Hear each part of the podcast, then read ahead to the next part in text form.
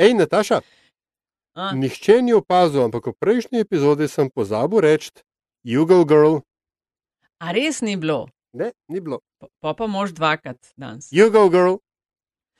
Poslušate Met in Čaj, to je podcast o medijih, o dobrih in slabih praksah, novih tehnologijah in trendih prihodnosti. Goste, ki jih s sovoditeljem Aljažem Pengovom Bitencem, Radio Chaos, vabiva v uh, podcast, so na tak ali drugačen način povezani z mediji, se ukvarjajo s komunikacijo in res zanima slišati, kako to delajo in kako razmišljajo o medijih. Kaj se jim zdi dobro, kaj se jim zdi slabo, kako bi oni uh, drugače.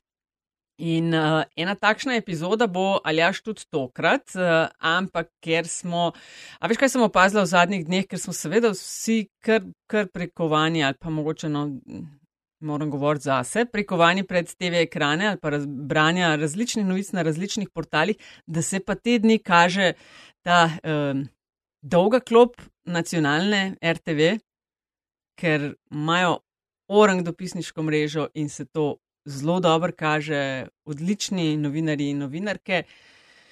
In jaz um, v narekovaju uživam no, v njihovem poročanju, v narekovaju zato, ker pač tema takšna, za, kar, za katero bi si želela, da ne bi o njej govorili, oziroma da, ne, da je ne bi bilo treba o tem govoriti. Ja, imaš prav, ne spet enkrat se je pokazalo, kako uh, vlaganje v dopisniško mrežo, v kvaliteto poročanja, v, v ljudi, če hočeš, ne, uh, prinese to razliko v tistih eh, petih do desetih odstotkih medijskega dela, ki so um, izven standardnih okvirov, ne, kot je žal, nažalost tudi ta agresija na Ukrajino in tako dalje. Ne, sem, ampak uh, ravno zadnjič sem šel gledati, se že ne parkrat se je pri nacionalke ravno to pokazalo, ne, kako se lahko hitro uh, iz raznih koncev, iz raznih koncev sveta potegnili uh, svoje ljudi, uh, njihova mnenja, njihova poročila in sem imel eno čisto novo kvaliteto, kvaliteto poročanja.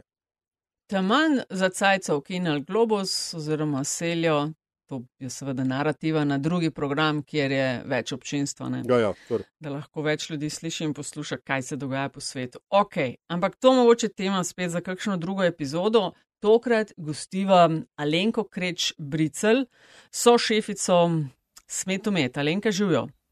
Živja. A je to so šefica, to bilo v redu? Ja, prav, veš, če je karkoli. Ne, to je kul. Cool. Skupaj. Tako. Uh, pač skupaj z Majo um, delava vse, uh, kar je hudega in lepega. No, vse to želiva danes z tokrat zalažen slišati, ker naj res zanima, kako delate, pa kampanja, ki je gremo voliti, pa referendumi, na katerih ste sodelovali, oziroma spoh te različne kampanje, s katerimi smo bili soočeni v zadnjem, ne bom rekla sam leto, ker gre vaše delovanje še malo dlje v zgodovino, ampak Alenka, vedno štartamo met in čaj tako da se gost na nek način predstavi gostja. Mm, iz mogoče malo tega medijskega vidika, oziroma v tvojem primeru, če mal poveš, kaj si do zdaj delala, kaj delaš točno. Ja, pač jaz že kar zelo dolg časa, od leta 2011-2012 delam za društvom Smetu Med. Uh, mi smo taka dvoživka, uh, vedno rečem pač, ker smo nevladna organizacija, ki dela na področju uh, okoljevarstva, eh, še posebej, kar se tiče problematike smeti. Um, torej, delamo aktivistične in izobraževalne zadeve na eni strani, na drugi strani smo pa tudi socialno podjetje, kar pomeni, da predvsem dizajniramo izdelke iz odpadnih materijalov uh, in jih potem tudi prodajamo na trgu, um, zato da se ne zažiramo preveč uh, v uh, proračun, uh, ki ga tako skrbno uh, varujajo naši oblastniki. O, zažiranje, le prav, uh, njihove to, njihov talking point si vzela. ja. um, rekla si zadnjih deset let in da je v središču vašega delovanja ta. Mm, skrb za okolje. To ste vi pred desetimi leti že nekako uh, zaznali. Me zanima, vas je, kaj vas je do tega pripeljalo, da želite kle delati. Ok, skrb za okolje, ampak kaj so bili mogoče kakšni triggeri? Ne? Ker zdaj je seksi in se vsi ukvarjajo s tem, pa vsi govorijo o tem, kako bi bili radi zeleni, pa bodo, pa kaj bodo naredili. Ampak vi ste pa pred desetimi leti na orang že začeli zares delati. Ne? Ja, v bistvu pred 15 leti, samo takrat mene še ni bilo zraven. Um, svet umetja nastal leta 2007 uh, in um, ustanovila ga je e, ena ekipca žensk, ki so želele delati mal na področju tega, da se kakšne stvari dela iz smeti, ker je bilo takrat je bilo to še kar mal tako tabu. Uh, pa kakšen projekt uh, majhan so hotle izvesti, kakšne delavnice, kakšne take zadeve. No in potem je to organsko pač naprej raslo. Eh, seveda ta eh, problematika se je izkazala kar za zelo perečo in ne zmanjka nam dela. Um, ne vem, pač verjeten smo skozi mal pred časom.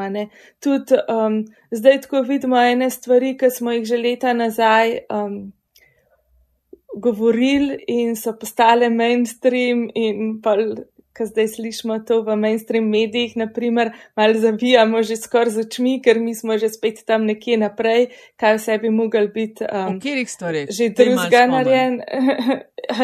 Ka, naprimer, ne vem, pač embalaža za enkratno uporabo, ne, uh, take stvari, ne vem, da vrečko nosiš iz blaga, neke mm. res pač take basic zadeve, so mislim, da zdaj prišle uh, dovolj. Uh, v mainstream, pa to recimo, da se govori tudi o tem, koliko je plastike v morju. Um, to je zdaj zelo v zadnjih dveh letih prišlo na površje, se mi zdi super. Um, no, mi smo o tem govorili že. Predvsej nazaj tudi ene take zadeve smo izdelovali, kot so naprimer te vrečke iz starih zaves in takrat, ko smo mi začeli to uporabljati, smo zgledali dobesedno čudne.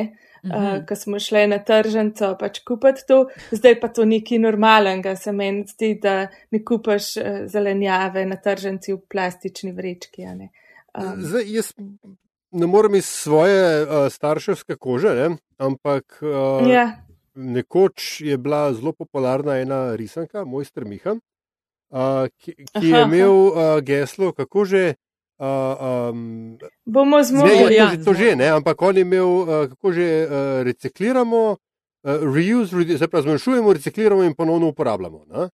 Ja, reuse, reduce, recycle. Tako, in zdaj, ja, ja. hkrati pa leta 2007, ko se je svet umet uh, začel, je bil to nekako, vsaj kar se Slovenije tiče, pa zdi tudi globalno, višek neoliberalne konzumeristične logike. Ja. Kaj je pripeljalo do tega zavedanja ali pa sklepa, da ne, kot in kot nekaj je treba storiti? Se pravi, jaz takrat nisem bila v štartu zraven, ampak absolutno sem to tudi jaz takrat že zelo čutila in delala na tem. Mislim, takrat sem vesela uh, vzgajala enega dojenčka leta 2007. Uh, tako da, um, ja, um, prišlo je do tega, zaradi tega verjeten, ker smo te ženske, ki smo to nekako pol pognale v tek, uh, vedno mal na obrobju, uh, bile na teh. Um, kako bi rekel, bolj alternativnih, uh, progresivnih uh, robovih in pač to se je kazalo kot nekaj, kar bo ful velik problem. Že takrat se je zelo jasno vedel, um, znanstveno dokazano, da podnebne spremembe so dejstvo in da se jim ne bomo mogli izogniti, da bodo stvari postajale vedno slabše in edini način, kako se tega lotiti. Takrat za nas je bil, da se lotimo na, osebn, na tem osebnem nivoju, kako um, se spreminja mindsete posameznikov in njihove življenjske sloge. Zdaj pa mislim, da smo uh, na tej točki,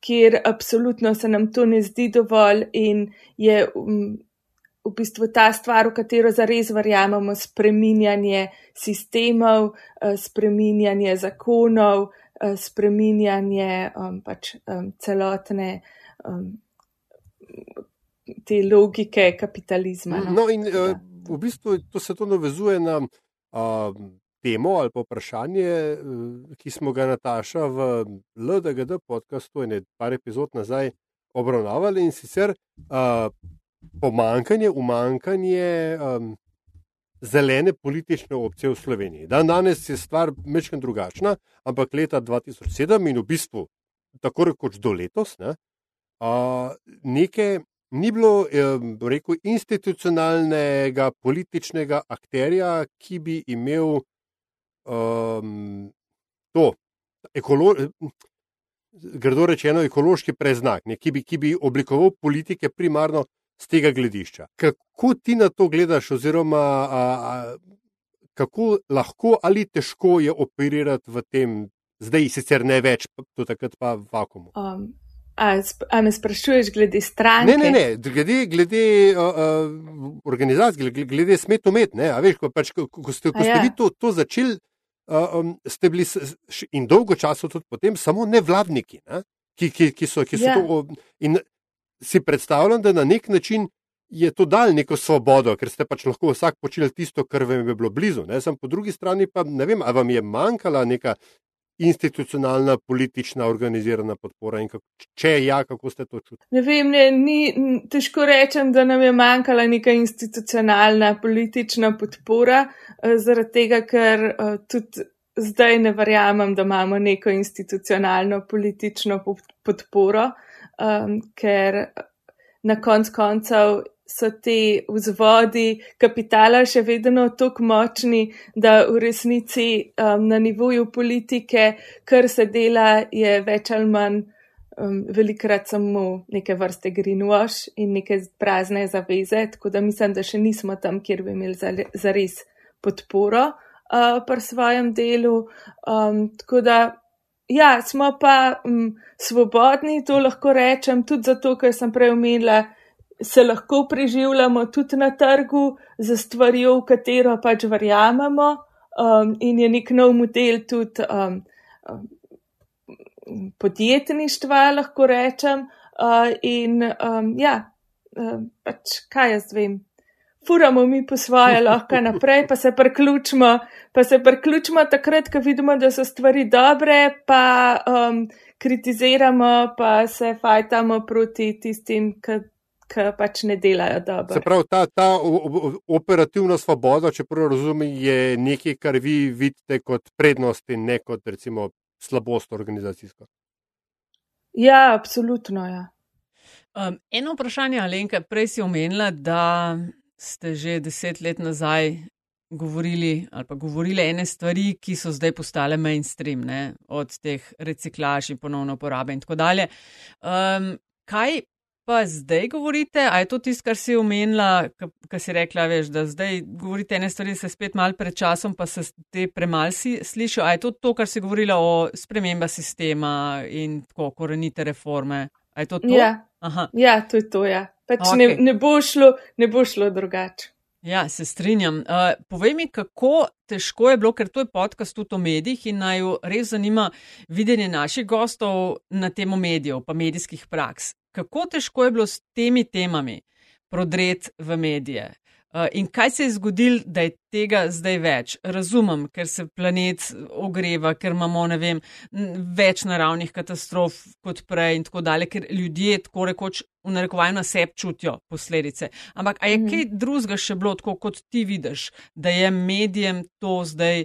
Um, narekovano bolj, bolj seksi tema. Je to Greta bil tisti premik ali je to mal, mislim, vem, da je to mal pospraševanje, pa preenostavno, ampak me res zanima, kaj ti misliš, da je bilo. Ja, v bistvu um, lahko rečem, da je zdaj nekako in boljš in slabš. Bom razložila zakaj. Zato, ker recimo v začetku našega delovanja smo bili eni izmed redkih, ki smo to počeli in je bilo to luškano uh, glej, kaj tele lušne punce delajo iz smeti. Uh, in ni bilo nič kontroverzno. Uh, zdaj pa, ko hočemo uh, določene te sistemske zadeve uh, sfurati, uh, bolj Aha. v. Uh, recimo, ravno bom povedala o eni konkretni izkušnji. Ravno zadnjič mi je za enega um, častnika slovenskega kontaktirala novinarka in me je prosila, um, da odgovorim na par vprašanj pisno, uh, ki so se nanašala pač tako na smeti, kot na življenjske stile, kot na to, kaj bi bilo pač potrebno narediti. In sem seveda, po moje, spretno unesla uh, vse te uh, sistemske težave, probleme, ki jih predstavljajo korporacije uh, v odnosu do um, politik državnih in tako naprej. In uh, glej ga čudo, čudežno, samo en stavek, kjer sem omenjala neki, da se ne uporablja več um, plastika uh, za enkratno uporabo uh, v vsakdanjem življenju, neki tazga je ona uporabila potem v tem uh, svojem prispevku. Uh, in ko sem jaz potem omenila, uh, ja, ne, da bi bilo pomembno, da se tudi ostale stvari vnesejo, je rekla pač, da ni bilo prostora. Pa po, možnost, po možnosti je šlo še za spletno objavo, ne? kjer je res ful, ful manjka prostora. Ja, uh, kaj pa jaz vem, uh, na tisti točki sem bila sam tako, ok, whatever. uh, ne, ampak ja. No, rekla si čak, da je dobre in slabe. Zdaj si mogoče eno tisto, tistih slabših omenila, kar sicer midva so nama ali až gostje že tudi kar večkrat uh, kaj pojamrali ali pa rekli na to temo, koliko se um, ali jemlje iz konteksta, ali ne upošteva vsega. Ampak pri čemer, seveda, kot nekdo, ki dela v medijih, tudi razumem te um, s prostorom težave in z minutažami in tako dalje, ampak vse ne. To, mislim, nisi prva, ki je to rekla. No, kaj so pa kakšne dobre? Dobro pa je, da je ja. to več tega, ja, da je to full bolj mainstream in da vidimo to od pač, ne vem, res treši medijev do resnih medijev, da to obravnavajo in da recimo podnebne spremembe se ne obravnavajo kot neki več, kot mogoče je res, mogoče ni res, ampak nekaj, kar je dejstvo. Kar vemo, ja. No in ti si mogla pač v tem procesu. Ti, kot uh, druge kolegice in kolege, je to v glavnem oprosti, ker to sprašujem, ampak uh, je smet umeti v glavnem ženski aktiv ali izključno je. ženski ali mešano? Uh, je v glavnem ženski, ampak imamo tudi uh, krasne tipe, ki so uh, naši tehnični podporterji, bom rekla tako. Okay, no, in ko, ko je bilo treba pri. Um... Prodretu v medije ali pa govoriti o teh stvarih, ki pomagajo tudi pri vašem narekovaju eh, dnevnem biznisu. Eh, kako težko eh, je bilo pa prijeti za mikrofon, veš, ko se je bilo treba pa tega naučiti. Kakšne težave, a če si jih imela, kakšne izzive s tem? A je bilo to naporno, a je bila trema, ali je bilo izi? Pač, to je neke vrste um, občutek, pa ki ga dobiš, ki večkrat govoriš za medije, da mogoče ni tako bav, bav. Na začetku je mogoče malce smoko grlo, pa se trese glas, potem se pa sprostiš, pa je. Mm. Eh, kakšen imaš pa občutek, da je odnos danes v primerjavi z tistim pred desetimi ali pa še več nazaj leti eh, slovencev in slovenk do okolja? Jaz mislim, da so Sloven, slovenke in slovenci zelo naklonjeni tej tematiki uh, okoljski. In to se je tudi zelo dobro pokazalo v tem referendumu uh, o vodi. Uh, Slovenke in Slovenci, jaz verjamem, imajo še en ta pristen stik z naravo in zemljo. Um, vsak ima gost deset minut stran peš, tudi tisti, ki v centru Ljubljane živijo.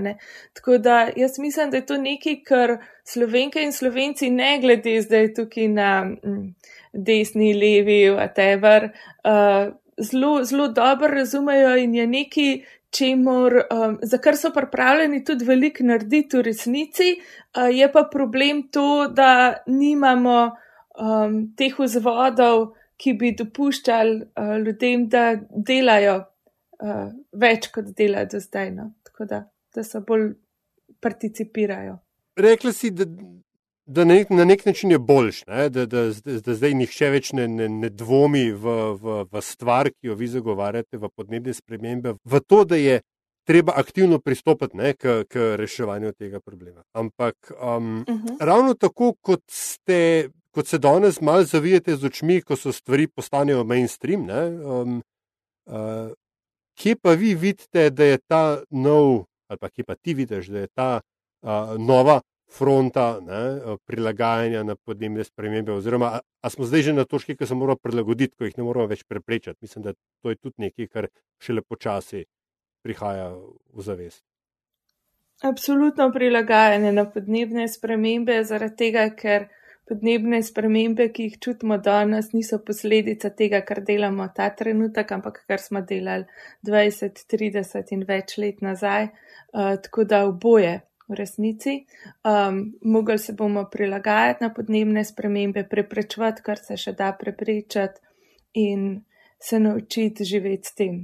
Tako da nisem zelo optimistična, uh, ampak um, delujem z optimizmom. No, no, in, in recimo to me zanima, ne? zdaj, um, kje je avantgarda, ker jaz razumem, da pač, ja. veš, po, ker po eni strani tudi ne moramo pričakovati od, od uh, splošne populacije, da bodo vsi rekli, ja, ja tam naprej. So, mi smo zdaj nekako sprejeli. Uh, situacijo in recimo, da vas poslušamo. In, in, in... Ja, recimo. Ja, ker izvoli. Ja, uh, p, uh, to uveljavljanje podnebne pravičnosti pa okoljske demokracije.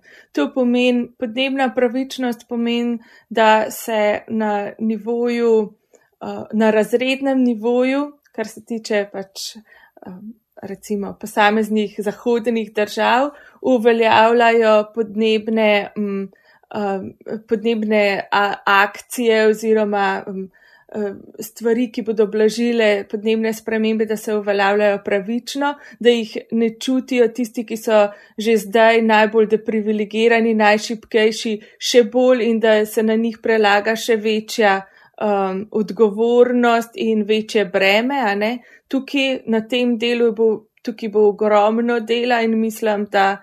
Um, Se to ful, ful kaže in isto na globalnem nivoju, kjer pač globalni jug prav tako prevzema ve, veliko večje breme, s tem, da je hkrati veliko manjši, manj doprinese k uh, podnebnim spremembam oziroma uh, k CO2 izpustom, onesnaženju in to uh, velik del proizvodne, te najbolj umazane proizvodne, smo zahodnjaki itak.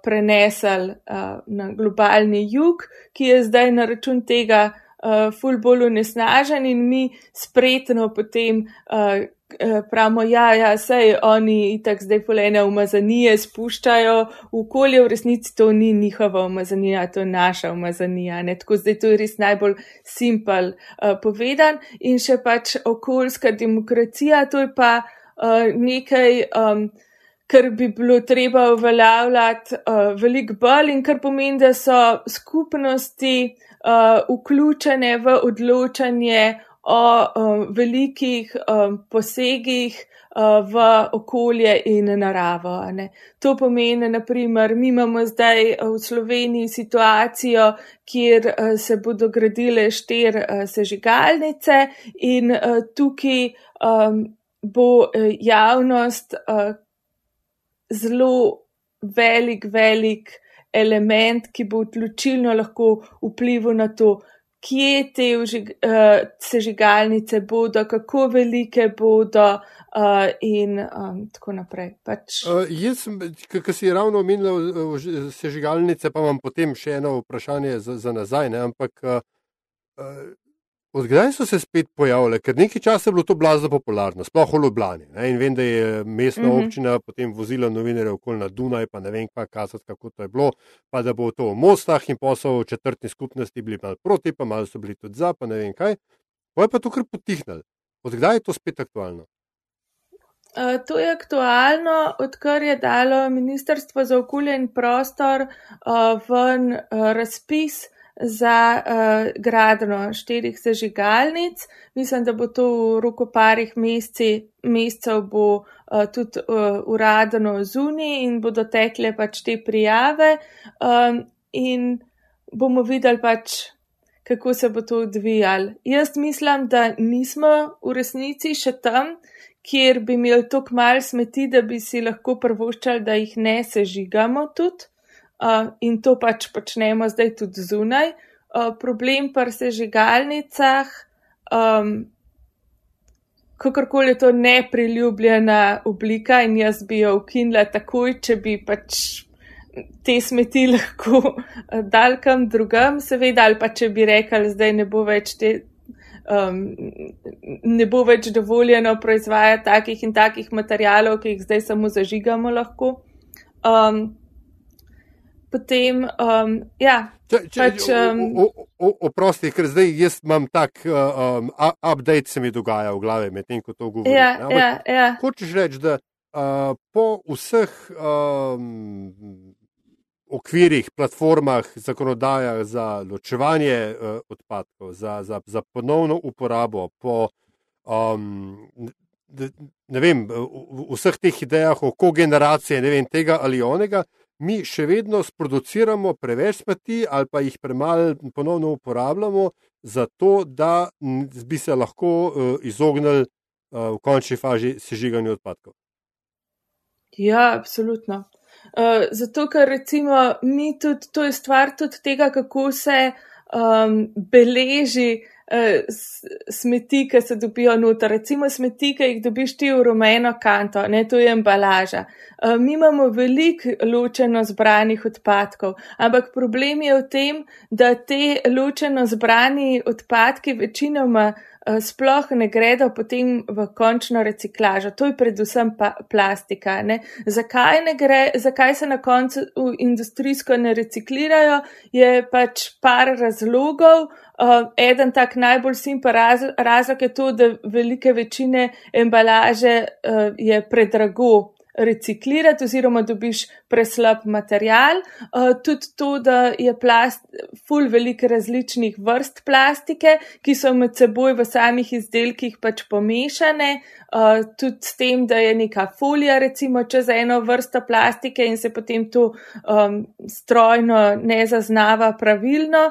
Um, je, je pač problem, tako da ja, veliko več kot 60% plastike sploh ni reciklirane. Recimo en podatek uh, na globalnem nivoju, odkar imamo plastiko, odkar proizvajamo plastiko, industrijsko tam recimo pač od povojnega obdobja naprej, uh, je bilo samo um, 10% plastike reciklirano. Uh, okrog um, dobrih 12 uh, procentov neki tazga plastike um, je bilo zažganih, uh, vse ostalo je šlo pa v morje, pa v deponije, v zemljo. Zdaj mo moramo vprašati, ampak uh, ima potem sploh smisel, da se mi ukvarjamo z vsem tem ločevanjem odpadkov in tako dalje? Jo, kako težko vprašanje postaviš. Ja, itak, da ima smisel. Sem mislila, da te bo pršvasala zdaj. uh, ne, itak, da ima smisel. Samo, a veš, fura je v tem, da mi lahko to, a veš, to, kar sem govorila, mi smo lahko še tok pridne mravelce in mečemo vse uločene. Eh, te kante in to, samo dokler mi dobivamo z izdelki ful različne vrste plastike, uh, ful uh, velik kompozitov, torej materijalov, kjer so združeni, izdelkov, kjer so združeni različni, različne vrste materijali, naprimer tetrapak, kjer imaš ti združen aluminij, papir pa plastiko, je to pač grozen težko industrijsko reciklirati. Mm. In mi lahko še tako dobro pač to zbiramo, če, na, če nas futrajo s tem ščitom, mi ne moramo tega sami razlepati, tega, veš, tega tetrapaka. Lahko kupujemo nekaj drugega, ampak realno bi bilo treba ne, na nivoju sistema ukinti to, da so, ne vem, toliko različnih vrsti, vrst plastike lahko v enem izdelku, da se določene vrste plastike, kot so ta tanka folija, uporabljajo uh, za, veči, ne, za večino teh stvari. Uh, da, vem, da se delajo kompoziti za izdelke iz, uh, za enkratno uporabo. Take zadeve, to je pač ful problematično. In mi tukaj kot posamezniki zelo težko naredimo, okay, ker je, a veš, da boš šel zdaj vsako embalažo, vsako stvar brati pa študirati. To je tu mač, to je recimo Salec ali govorila o tem ikeizaciji, uh, kako uh, moramo postati strokovnjaki za vsako posamezno stvar, ki jo. Um, ki se tiče našega življenja. In to je tu mač, ne moreš, ne more vsak vedeti, dovolj o sestavinah embalaže, sestavinah vsebine eh, nekega prehranskega izdelka, da bi lahko zhekal to. To je treba zhekati na sistemski ravni. Mm, točno to. In to ste vi začeli in ste uh, glasni v tem procesu. In tukaj bi zdaj rada govorila s tabo tudi malo o teh kampanjah, katerih eh, del ste bili. Zdaj, če vzamem samo ozir zadnje leto. Um, referendum za vodo je bil gigantski projekt. Dej povej, a ste, ko ste se lotili, je bilo v zadnji za resno zavedanje, da lahko nam uspe, ali v štartu vse ne. To, kar je večini se zdelo totalno nemogoče, da se bo zgodil, pa pol se je. Um, ne, mi smo mislili, da bomo pušnali. Uh, sam kljub temu smo rekli, da moramo to um, fajtati. Valjda, pomemben je že boj to. Aha, na začetku ja. pa niste, mislim, valjda je bil kar strm hrib, po katerem ste mogli jeti. Nismo vedeli, kaj nas čaka, pa tako realno nas je bilo par organizacij, um, tukaj pač vedno se verjeten bomo še malo kasneje govorili o tem, pač ful pomemben inštitut 8. marc, ki je pristopil zraven s tem mm -hmm. res uh, znanjem o vodenju kampanje, zbiranju podpisov in to. Um, tako da mi smo bili brez vsega, mi nismo imeli denarja. Uh, mi nismo imeli nobeni, nobenega od teh zvodov, nobenega dragega svetovalca, uh, nočene. Tako da Um, Kaj ste vi prinesli v kampanjo? Kaj ste vi prinesli v kampanjo? Ok, hočemo se to jeti, vemo, da je treba o tem govoriti, imamo neke prostovoljce, uh, kje raznanja še. Čistko me zanima, veš, za nekoga, ki mogoče razmišlja o teh stvarih, da se povezuje z vami, da vidi, kaj iščete, kaj vi lahko date, ne vem, čisto v tem kontekstu, praktičnem. Jaz mislim, da mislim, jaz lahko povem, kaj smo mi prinesli kot uh, organizacija. Pač ta znanja, ki jih imamo, uh, znanja dela, recimo tudi s skupnostjo, uh, z, uh, praktično znanje obvladovanja tega, ne vem, in materijalov, in oblikovanja samega dizajniranja, vse to smo pač uporabljali in jaz ful ne verjamem, da rabaš neke posebne skilse, mm -hmm. da bi mhm. delal um, z kampanjo, pač rabaš ljudi z seti različnih skilsov, ampak nobeni skilsi niso um, neuporabni. Pač tist, kar drugač najbolj delaš, tisti je najbolj uporabno, da delaš tudi kot prostovoljc, naprimer. Mm -hmm. če, si, če si novinar, potem pomagaš pisati uh, press release. Uh, recimo, če si, um, če si kmet, potem lahko daš neko pričevanje, ki je, z, ki je z tvojega vidika najbolj pomembno. Uh, lahko svoj komunity naprej aktiviraš. Če si uh, oblikovalec, lahko pač delaš izdelke, ki se pol delijo okrog. Če si um, kaj zdaj, pač vsak lahko naredi. Um, prej sem te hotel tudi vprašati. Uh, delate, del, domnevam, da del tega, da ste na trgu, ne, je tudi ta, da uh, imate v ponudbi trajnostne storitve in izdelke, pa podjetjem, če prav razumem, sodelujete, svetujete in tako dalje. Um, pa zdaj ne mi zameriti tega, ker je za nalašč mečkam provokativno vprašanje. Ampak, koliko pa je to strani podjetij, pol tudi sam greenwashing. Ja, tega je ful. Pa mi smo tudi ful takih stvari že zavrnili. Tako da, ali pa smo bili zelo pač na meji, nekatere pa pač sam gladko zavrnili. Recimo, um, pač ne moreš, enih stvari ne moreš uh, početi, ampak ful velik stvari, ki jih pa podjetja nasplošno počnejo na tem področju, je pa zaenkrat, tako kot sem rekla, tako kot v politiki greenwashing, pač čist plain greenwashing. Uh, ne sam to, recimo velika podjetja, kot je naprimer Coca-Cola, oni dejansko se predstavljajo na recimo raznih oglaševalskih festival, uh, festivalih in tako kot um, zelena podjetja, hkrati so pa številka ena vnesnaževalec s plastiko na svetu. S tem, da tok, v tok veliki prednosti, da sta Nestle pa PepsiCo proizvedeta um, še enkrat manj plastike, pa sta že one dva katastrofa, ne, kot recimo Coca-Cola. Uh, ampak oni se, oni se vsem pač uh, m, predstavljajo kot zeleno podjetje, ker uh, izvajajo neke Eh, zaveze, ki si jih sami zadajo in se jih potem niti ne držijo, pa potem neke nove zaveze si spet napišajo, pa se gredo neke take end-of-line solutions, kot so naprimer, ne vem, sponzorirajo neko čistilno akcijo, pa potem se lepo poslikajo, pa uh, dajo, ne vem, 500 evrov eni nevladni organizaciji, ja, ja, ja. ki tam pomaga mal pucata. Ne? Tako da pač to je res grozen. Aj tega veliko pri nas? Ja, ful.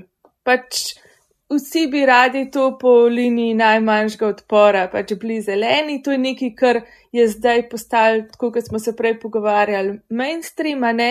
In vsak bi se rad majhen na zelen po barvu, da bi uh, imel. Uh, Mil ta glav, mm. uh, hkrati je pa ful težko uh, narediti stvari. Zdaj, ta referendum za vodo ni bila edina stvar, sodelovali ste tudi eh, z različnimi organizacijami pri tem boju za pitno, čisto pitno vodo za Anhovo. Ne? Zdaj pa je ena akcija, ki se mi zdi, da uh, je, mislim, ne se mi zdi, je zelo obsežna in veliko ljudi sodeluje v njej in vi tudi, ne, če imam prave informacije in to je gremo volit. Ste zraven, ne? Ja. To je, uh, mislim, jaz si predstavljam, da je to kar orang, orang delo, cilje pripeljati čim več ljudi na volitve. Um, ni v eni drugi oddaji, ki jo delava z Aljažem, zdaj na zadnjih volitvah je bila udeležba 52 odstotna. A imate tukaj vi postavljen kakšen cilj, tako prav številko? Ne, jaz mislim, da nimamo nobenega cilja, tazga postavljenega, ampak pač bi pa zelo radi. Uh, da gredo vsaj tisti, vsi, ki so šli na referendumu, da imamo vsaj pač referendumski uh, izid, no tako. Mm. Uh, vsaj to. Uh, ampak ja, pa predvsem je naš cilj, da gredo volt mladi, pa tisti, ki sicer se ne odločajo uh, za volitve. To je zelo pomemben zaradi tega, ker tisti, ki že gre dovolj um, vsako leto, sicer mislim pač vsako volilno uh, leto, uh, tistih ni treba kaj posebej spodbujati. Spodbujati je treba tiste, ki še niso šli do zdaj volt ali pa, ki gredo bolj redko kdaj voliti. In mm, In vem. tukaj snemate, ne, snemate izjave, mislim, prostovoljcev imate tudi, to je tako resna armada, resno impresivno in kapo dol. Kako se to komunikacijsko med sabo usklajujete? Ker to, mislim, si predstavljam, da po mailih to ne šiba. Ne, pač to je dost kaotična, ampak tudi dost organizirana zadeva, pač tako oboje hkrati je. Uh, in mi imamo tako mrežo. Um, prostovoljcev, ki so po vsej Sloveniji, imamo koordinatorje, ki m, smo iz, um, po, v osnovi iz inštituta 8. mart, pa tudi jaz sem pač pomagam vo, voditi to mrežo uh, prostovoljcev, potem imamo pa regijske koordinatorje, in še pač neke specializirane koordinatore za kakšne posebne naloge bomo imeli in tukaj bomo uh, imeli take ekipe, ki bodo predvsem uh, šle na ulica, ulice mest in vasi, bodo šle pred upravne enote, ker bomo spet zbirali podpise za ta omnija zakon in kar v bistvu želimo, da gredo ljudje vod tudi zaradi tega, da bo ta omnija zakon sprejet in da bo to nek reset in nek konc te, um, te grozne, uh, uh, groznega obdobja zadnjih dveh let, kjer bomo potem lahko začeli graditi stvari um, iz tam, kjer um, so jih začeli podirati. Hočeš reči, da uh, nagajati hočete? Zgliko, kako to vprašati. pač, ja, radi tudi, uh, radi tudi nagajamo in uh, to pač tako je. Kako vam gre yeah. v, v naprodaj majica? Zdaj na spletni strani smetumet.com uh, prodajate tudi majico, včasih tudi nagajam, ki je zelo hiter, zelo duhovit, bi rekla jaz, odziv na en zelo neposrečen in pravzaprav grozljiv tvit premijeja Janše. Ja, pač te stari gospodi so kar serijsko neposrečeni in um, se jim je treba kar zahvaliti, da nam dajo sprot material, ker še preveč tega materijala, uh, pa neduhoviti, zagrenjeni so in mislim, da mi tukaj res imamo full prednost, zaradi tega, ker delamo v to, kar verjamemo, pa se imamo zraven še fajn, pa svojimi frendi smo, tako da ja, to je res pač taka prednost, ki si jo lahko samo želiš. Uh, in ja, pač delamo gverilsko, ker se pojavi ena zadeva, um, je potem lahko tudi čez noč sfuramo. Imamo te um, sposobnosti, da prepelemo stvari čez noč v. Realnost. Tako da super ekipa smo, no, tako bom rekla. Pa majčka je tudi fajn, kar lahko potrdim. Ja. Hvala. A majčko, no, le, ki ste to naredili, to imate vi že tudi eh, pol direkt podjetja, ki ehm, recimo, da gre za okoljsko manj ali pa neoporečno pridelavo, a tudi to na to gledate? Ja, to bi bilo idealno. V tem primeru sicer nismo mogli tega zagotoviti, ker je šlo pač čez ja, ja. noč, ampak um, tukaj smo naredili pa nekaj, kar je um, ful bolj ekološko. Uh, To pa še prihajajo te majčke, smo pa zbrali velik uh, majic second hand. Um, jaz sem dobesedno šla na, eno, uh, na en uh, odpad, uh, tekstilni, uh, z enim drugim potiskom imamo pripravljene, torej gremo volit in smo zbrali pa second hand majice, jih upral, uh, donesel k tiskarju in jih je ta uh, tiskar dotiskal in enak smo zbrali tudi um, vrečke iz blaga. Uh, kjer smo jih tudi potem uh, potiskali, te so pa tudi že zdaj na voljo z enim takim uh, cute uh, potiskom, kjer piše um, Fajtamo dalje. Zelo lepa, zelo lepa vreča, moram reči. In tudi sicer izdelki in te torbe, malhe, ruzaki, torbice. Um, Hvala, ker ste eno, samo to. pa ja, ful je pomemben, da stvari dobro izgledajo in pač, da so dobro dizajnirane, zaradi tega, ker itak smeti so v osnovi uh, pač dizajnerska napaka ali pa stvar slabega dizajna. Uh, in um, jaz tudi ne kupam uh, ali pa no, ne nosim nečesa, sem zato, ker je smeti, ampak nosim zato, ker dobro izgleda, pa ker mi je pač hudo. Um, Imate kakšnega hišnega dizajnerja ali dizajnerko to, ali ob, e, z različnimi sodelujete? V bistvu uh, sva hišne dizajnerke medve z Majo, ker so obe dve pač v osnovi iz teh uh, dizajnerskih vod. Uh, tako da um, to, ampak sodelujemo tudi z drugimi dizajnerji. Ja, ravno smo naredili um, okrog novega leta super torbe za Almiro Sadar, ki so pa te naše um, cerade, ki jih uh, najrajše uporabljamo, uh, v bistvu skvačkane skupaj v torbe.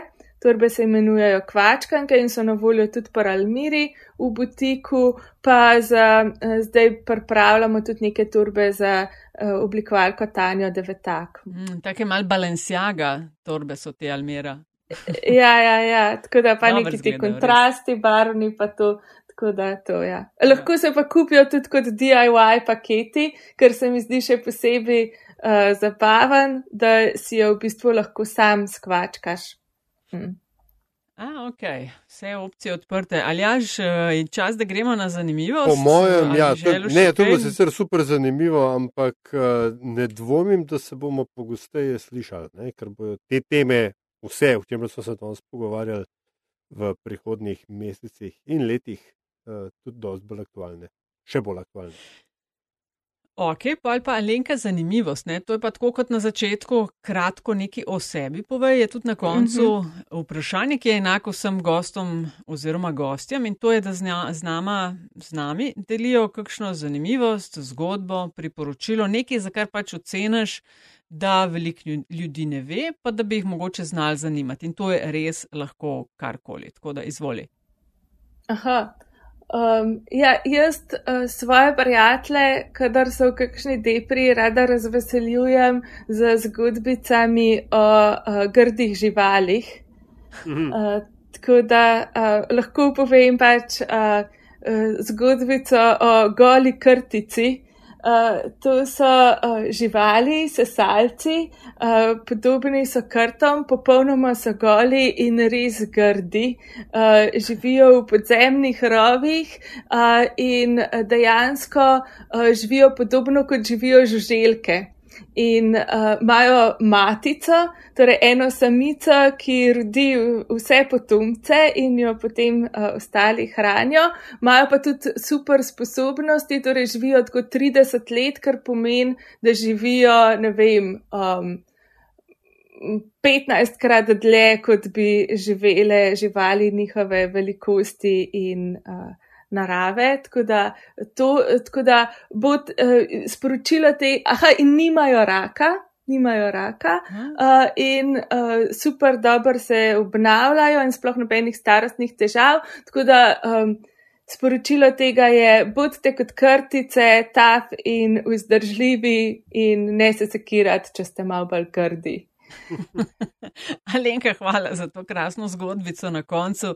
Hvala za tvoj čas, za delo pri smetu med v kampanjah v, skupaj z različnimi uh, nevladniki ali pa vladniki, kakorkoli. Zelo pomembno delo delate in uh, tako, kot sem že prej rekla, res hvala, ker ste in hvala ti, ker si bila gostja podcasta Met in Čaj. Hvala tudi vam, ker ste naš um, amplifier in tudi jaz vas poslušam in um, vzamem tudi uh, kakšno informacijo, ki jo dobim od vas prek LDGD ali pa kje druge in jo probam uporabiti v tem, kar delamo. Jej, hvala. Srečno že naprej. Pa že, čau.